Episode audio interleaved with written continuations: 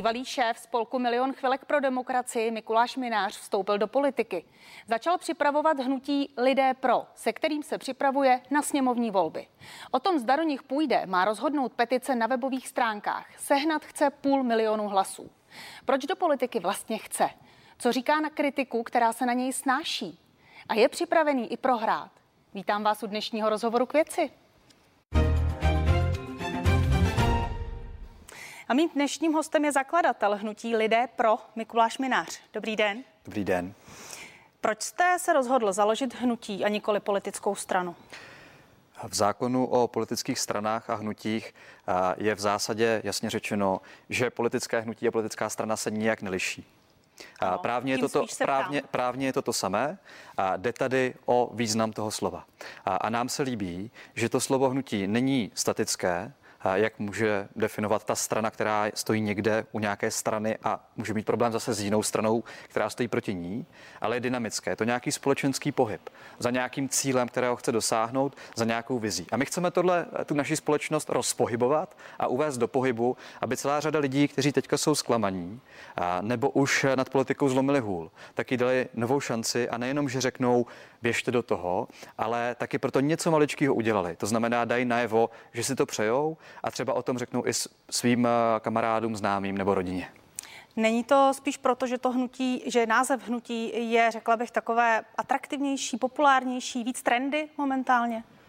Pro někoho je to víc trendy, někdo zase říká, že už je to zdiskreditované, že hnutí je nějaký jako populismus. Já si to nemyslím. Já si myslím, že naším prvním úkolem je dát tomu slovo hnutí pozitivní náboj, aby jsme ho zachránili. Jestli někdo předvádí nějaké karikatury hnutí, tak mě to mrzí, ale my se chceme pokusit o něco, co skutečně půjde poprvé pořádně od spodu, do čeho budou zapojeny tisíce dobrovolníků a desetitisíce lidí v regionech celé naší země, protože právě tehdy to může být o něčem víc, než že se eh, nějaký miliardář nebo pár bývalých politiků rozhodne, že teďka si udělají novou stranu a prostě si to udělají po svém. Vy jste řekl, že do poslanecké sněmovny budete kandidovat jenom v případě, kdy získáte půl milionu hlasů. Předpokládám, mm-hmm. že to je asi hranice, která eventuálně se může trochu variovat, že to asi nebude naprosto pevný půl milion.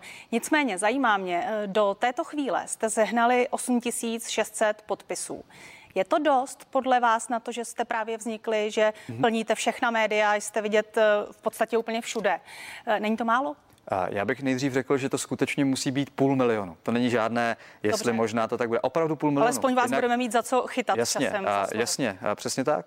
Buď pořádně, anebo vůbec. A nemusíme do toho jít za každou cenu. A já vím, že to, Řekněte mi, jestli čeho... těch 8600 podpisů, prosím, je dost. Já si myslím, že to je skvělý. Já si myslím, že to je skvělý, protože teďka uplynulo 27,5 hodiny od, co, od té doby, co jsme odstartovali.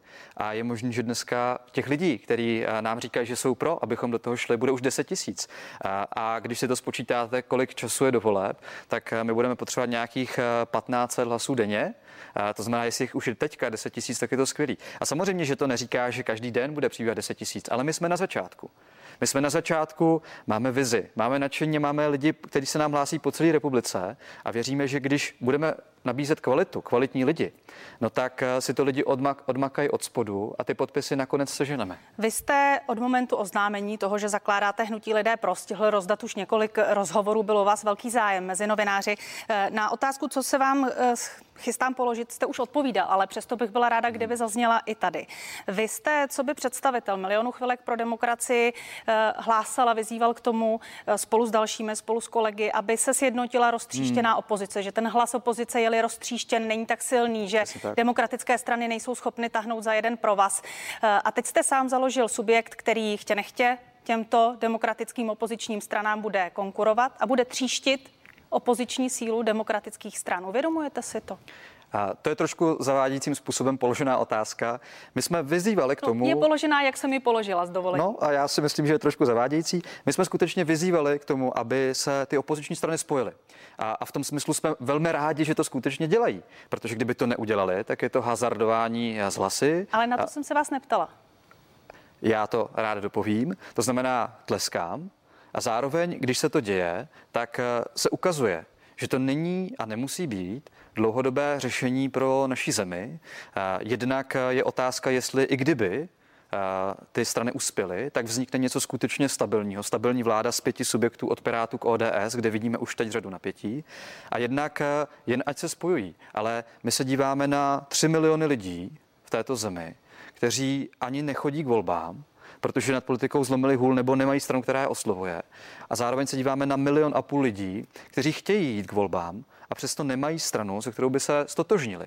A tohle jsou lidi, kterých chceme oslovit, protože tyhle lidi jsou stejně důležitý voliči nebo potenciální voliči jako kdokoliv jiný a zaslouží si, aby měli někoho, kdo je důstojně reprezentuje, no, s kým se můžou stotožnit. nic nemění na tom, že tříštíte sílu opozičních eh, politických demokratických stran. Proč říkáte opozičních? Přece my vy budeme jste to úplně, říkali, vy jste to říkali na budeme úplně, milionů chvilek pro demokracii. To ano, si jenom hrají s vašimi slovy. Ale my budeme přece úplně stejně, pokud nám vůbec lidi dají tu šanci, tak budeme stejnou konkurencí i pro vládní strany a nejenom pro opoziční. A, a kdo volí opoziční strany, Pane Mináři, vy jste, volit, vy, jste, volí. vy jste vyzývali ke spojení demokratických opozičních stran, teď jste se mezi ty subjekty zařadili a přispěli jste k tomu tříštění. Ne, to opravím vás, my jsme se ještě nezařadili, protože ten váš, ten váš argument by přece platil, kdybychom řekli, jdeme do toho. Ale my jsme právě proto řekli, jdeme do toho jenom tehdy, když nás bude půl milionu, protože tím odpadá starost, že bychom měli 3 nebo 4% ani jsme se tam nedostali, nebo 5-6% a pak jsme se tam trápili s pár poslanci. To by bylo tříštění.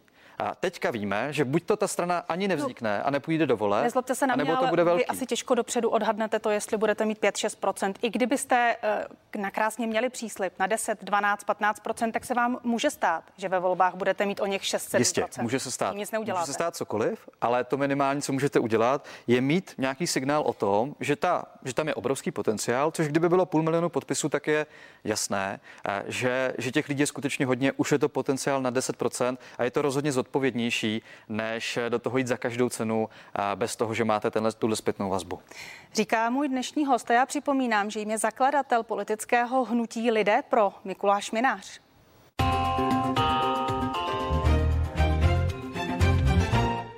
Pane Mináři, abychom neopakovali otázky, které zazněly v těch mnoha rozhovorech, hmm. které jste obešel, tak jsem si říkala, že to zkusíme vzít trochu jinak a zkusíme probrat to, co vy máte na svých webových stránkách hmm. zveřejněno v sekci program. Hmm. Začnu ze zadu kapitolou Restart politiky.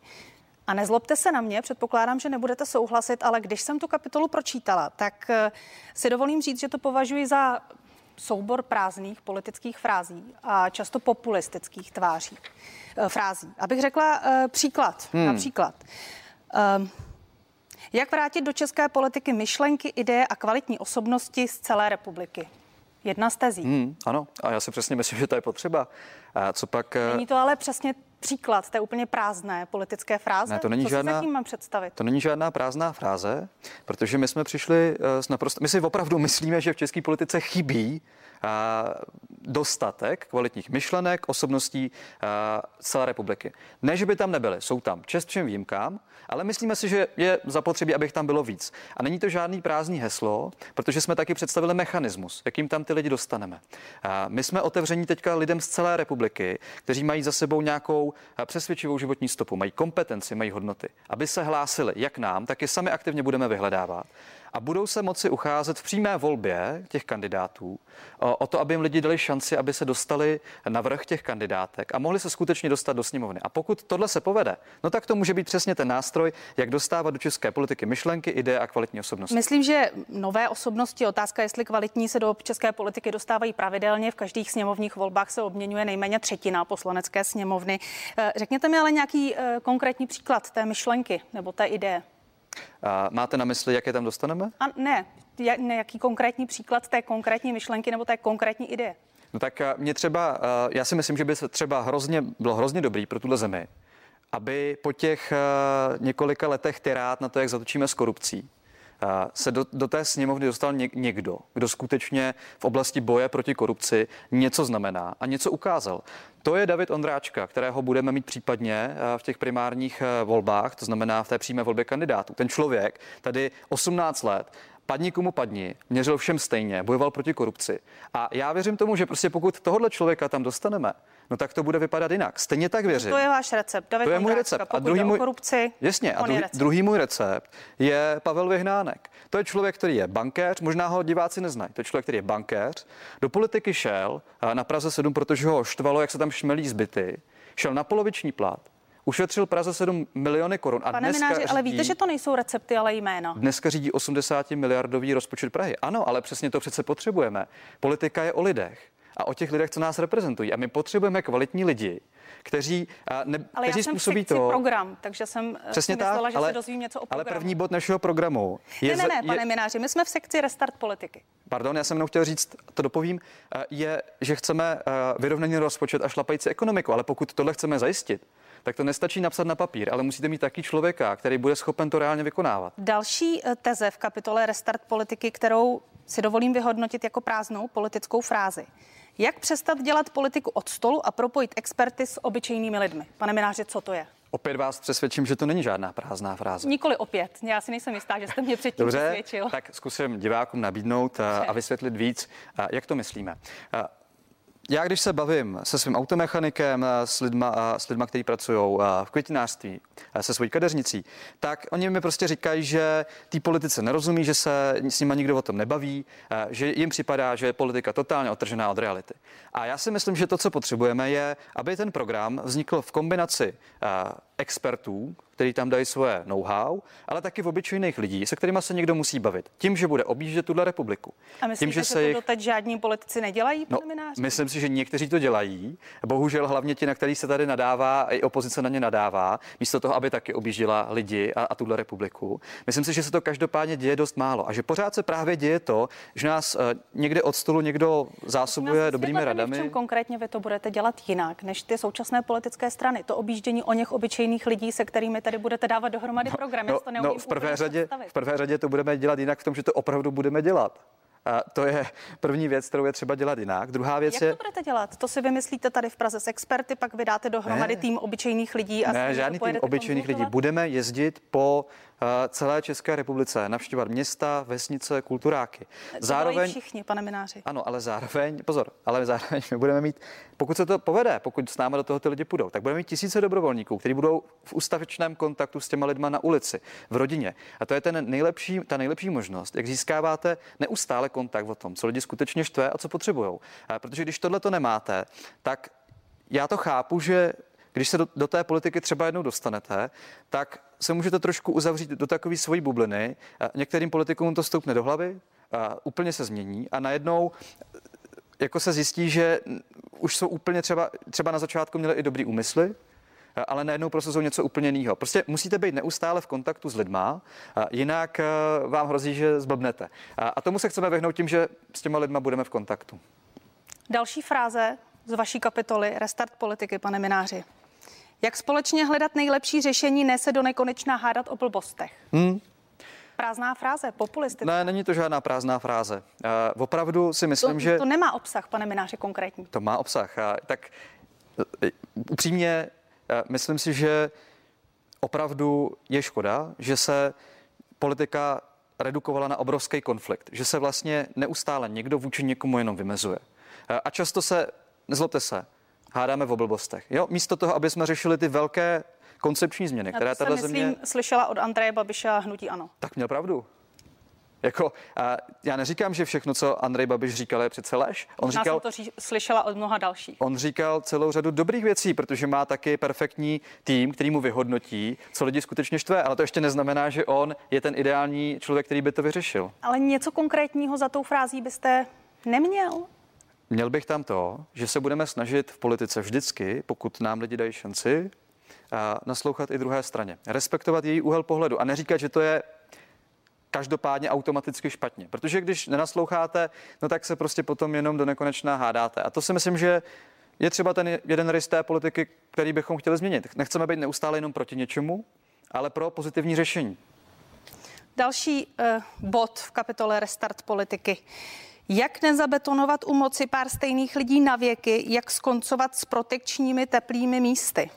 Ano. Máte pocit, že tohle neřeší třeba volební zákony, které lidem umožňují volit, koho chtějí, vykrouškovat, koho chtějí a tak dále? Že se politika neobmění? No, oni, oni sice umožňují lidem kroužkovat, ale přece jenom daleko větší moc v tom, kdo se nakonec dostane do parlamentu, mají přímo ty strany tím, jak si složí tu kandidátku. Zkrátka. Nezlobte se, já si vzpomínám na sněmovní volby v roce 2010, kde preferenční hlasy zatřásly s kandidátními listinami tak zásadně, že řada lidí z prvních míst se prostě do poslanecké to, sněmovny nedostala. To je skvělý. A teď si představte, že by v nějakém kraji bylo na výběr z 50 osobností a lidi mohli skutečně ovlivnit, který z těch osobností se vůbec dostanou na tu kandidátku za prvý a za druhý, který budou nahoře na těch nejvolitelnějších místech.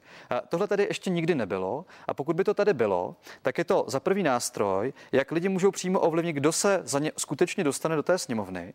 A za druhý. To oni mohou v těch sněmovních volbách. To oni mohou, ale, ale je to mnohem těžší, protože většina lidí prostě nekroužkuje. Většina lidí prostě jenom zakroužkuje celou tu stranu, a, protože to třeba ani neví. Jak říkám, kroužkovací revoluce v roce 2010 zásadně změnila kandidátní je to listiny, dobře? takže lidé je to dobře? mohou, je to umí cesta? a vědí. A jenom, jenom houštějí. Ale teď si představte, že někdo je ve sněmovně, je už poslanec, má v té straně nějaké místo, ale neosvědčí se. Ve chvíli, kdy máte přímou volbu kandidátů, tak mu lidi jednoduše vystaví stopku, protože i ten člověk musí znova se ucházet o jejich přízeň. Ve chvíli, kdy ne, tak je automaticky často na těch prvních místech a znova se ten politik recykluje a recykluje a recykluje. Takže takhle zase je to další nástroj, jak každý případný poslanec musí vědět, že musí zůstat s těma lidma v kontaktu, musí se s nima bavit, protože jinak už tu šanci znova nedostane. Přemýšlím, jestli se vybírat ještě některou z dalších tezí tady ve vaší kapitole Restart politiky, ale obávám se, že bychom se bavili o tom stejném. Zkusím kapitolu číslo 12. Eh, teze, jak společně hledat konstruktivní řešení, ne důvody, proč to nejde. Opět no No, no, Nezlobte to... se na mě, ale já mám pocit, že to, čemu říkáte program, to, co máte zveřejněno v sekci program, programem není. A... Je to soubor velmi obecných paní, tezí. Paní redaktorko, tak se pojďte bavit uh, o těch dalších tezích. Vy tady vybíráte dvě z těch priorit, které se, které se týkají já mám té změny společenské atmosféry. Ale máme tady, máme tady krajinu, teď, teď vzdělávání, prosím vysvětlete, ekonomiku. Co, je, co si mám konkrétně představit za tezí, jak společně hledat konstruktivní řešení, ne důvody, proč to nejde. Jestli to není jenom takové populistické heslo líbivé. Jde tak všechno je populistické heslo potom. Prostě my tady říkáme, že to, co nás štve, že se furt tady hledá, proč něco nejde. Proč? Tak proč tady nemáme důchodovou reformu, daňovou reformu, reformu školství, reformu zdravotnictví, když všichni tolik teda hledají konstruktivní řešení? Proč to tady nemáme? Všichni ví, že to třeba udělat. Všichni to pořád odkládají. Čím díl se to, později se to udělá, tím víc to bude tuhle zemi bolet tak asi evidentně se tady hádáme o blbostech, místo aby jsme řešili podstatné věci. To do nás štve. A jakým způsobem vy budete hledat ta konstruktivní řešení, jinak než to dělají ostatní? Předpokládám, že kdybych no. tu měla jakéhokoliv politika, tak mi neřekne, že jeho politickým programem je být nekonstruktivní a zásadně proti všemu. No tak především v tom, že musíte s těma návrhama přijít. S těma návrhama můžete přijít. No to chodí politické strany. S těma návrhama můžete přijít, za prvé, když máte eh, poctivý eh, expertní skupiny, který přijdou s promyšleným návrhem, že je to pro vás priorita a řešíte ty podstatné věci a chcete je prostě prosadit a ne jenom, že se furt s někým Teď mi ale neříkáte nic nového. Expertní skupiny má řada politických stran. No jasně, že vám neříkám nic nového, ale kdyby to tady fungovalo, tak asi není tolik lidí v deziluzi z toho, že to nefunguje. Já jsem se jenom snažila dopátrat k něčemu, v čem jste výjimeční, jiní noví a jdete změnit politiku. Ale abych e, e, aspoň jedno to konkrétní tezi z jiných kapitol, pane Mináři. Tady mě zaujalo e, v kapitole číslo 4 spravedlnost. Mm-hmm. Jak rozlišovat tresty pro ty, kteří udělají chybu a pro mm. opakované zločince a recidivisty? Vy máte pocit, že nemáme trestní zákon, který variuje tresty za různé druhy trestních činů s různou motivací, to máme. nedbalostní, umyslné a tak dále? Uh, to máme. A vy jste neslyšela teďka o tom případu člověka, který ukradl pár housek a potom dostal několik na, na, let na tvrdo? A to je ono, to, vy budete řešit tyhle no, případy v no, nouzovém no, stavu. Evidentně tady. tady něco selhává a jako ve chvíli, kdy uh, just, jako no, ten... Vy se tváříte, kdybychom to doteď uh, neměli podle té teze. No tak asi to máme, asi to selhává. A potom se nemůžete divit, že tolik lidí má pocit, že se v této zemi nemohou dovolat spravedlnosti, nebo se jí nemohou dovolat v rozumné lhutě a ztrácí důvěru v justici a systém. To je prostě špatně. My potřebujeme, aby běžní lidi mohli důvěřovat, že když budou mít problémy, tak se té spravedlnosti dovolají a nebude to jenom o tom, kdo si může dovolit právníka a kdo ne. Tohle to jsou hrozně důležité věci, protože to je důvod, proč dneska lidi nevěří institucím. Tohle je důvod. No to je, jeden, to je jeden z nich. To, jak vypadají další instituce, to jsou jako další důvody. Ale když Aha. lidi nebudou věřit institucím, tak je to hrozně špatně, protože potom budeme v zemi plný nedůvěry, eh, kde no, prostě... Celý váš program, nebo to, co říkáte, program spochybňuje instituce stále. A jak, kde spochybňuje? Teď my právě napak říkáme, že potřebujeme... Jak zabránit mocným, aby si z demokracie, no, zákonu a institucí nedělali trhací no. kalendář? Takže to tak dneska je? No tak to přesně je. Tak to přesně. Když, jestliže tady máme uh, problém s tím, že někteří čelní představitelé země se dostávají do střetu zájmu. Ano. A místo veřejného zájmu často prosazují svůj zájem a přitom ty instituce nejsou schopny to řešit. Nebo máme nedostatečně kvalitní zákony, aby to vyřešili a dělají si z národa srandu a, a z těch institucí trhací kalendář, tak je to špatně. Ano, to je špatně. Co byste s tím konkrétně, s tímhle případem dělal? Teď tomu úplně nerozumím. Máme nějaké standardní mechanismy, které můžeme se bavit o tom, jestli fungují dobře, správně, nebo eh, jestli to je samozřejmě v ideálním běhu, pochopitelně to je na debatu. No tady v tom případě rozhodně nefungují správně. A to je zase jako selhání těch politiků, kteří přijímali eh, zákon o střetu zájmu, který je veřejně kritizovaný, eh, myslím, že i evropskými institucemi, že je prostě nedotažený. To je prostě škoda. Je škoda, že to je nedotažen. Kdyby to bylo dotažen, tak tady neřešíme takový problémy, co tady řešíme teďka. Ještě krátce k penězím, abychom to stihli. Chci se zeptat, kolik potřebujete peněz na eh, ten váš projekt?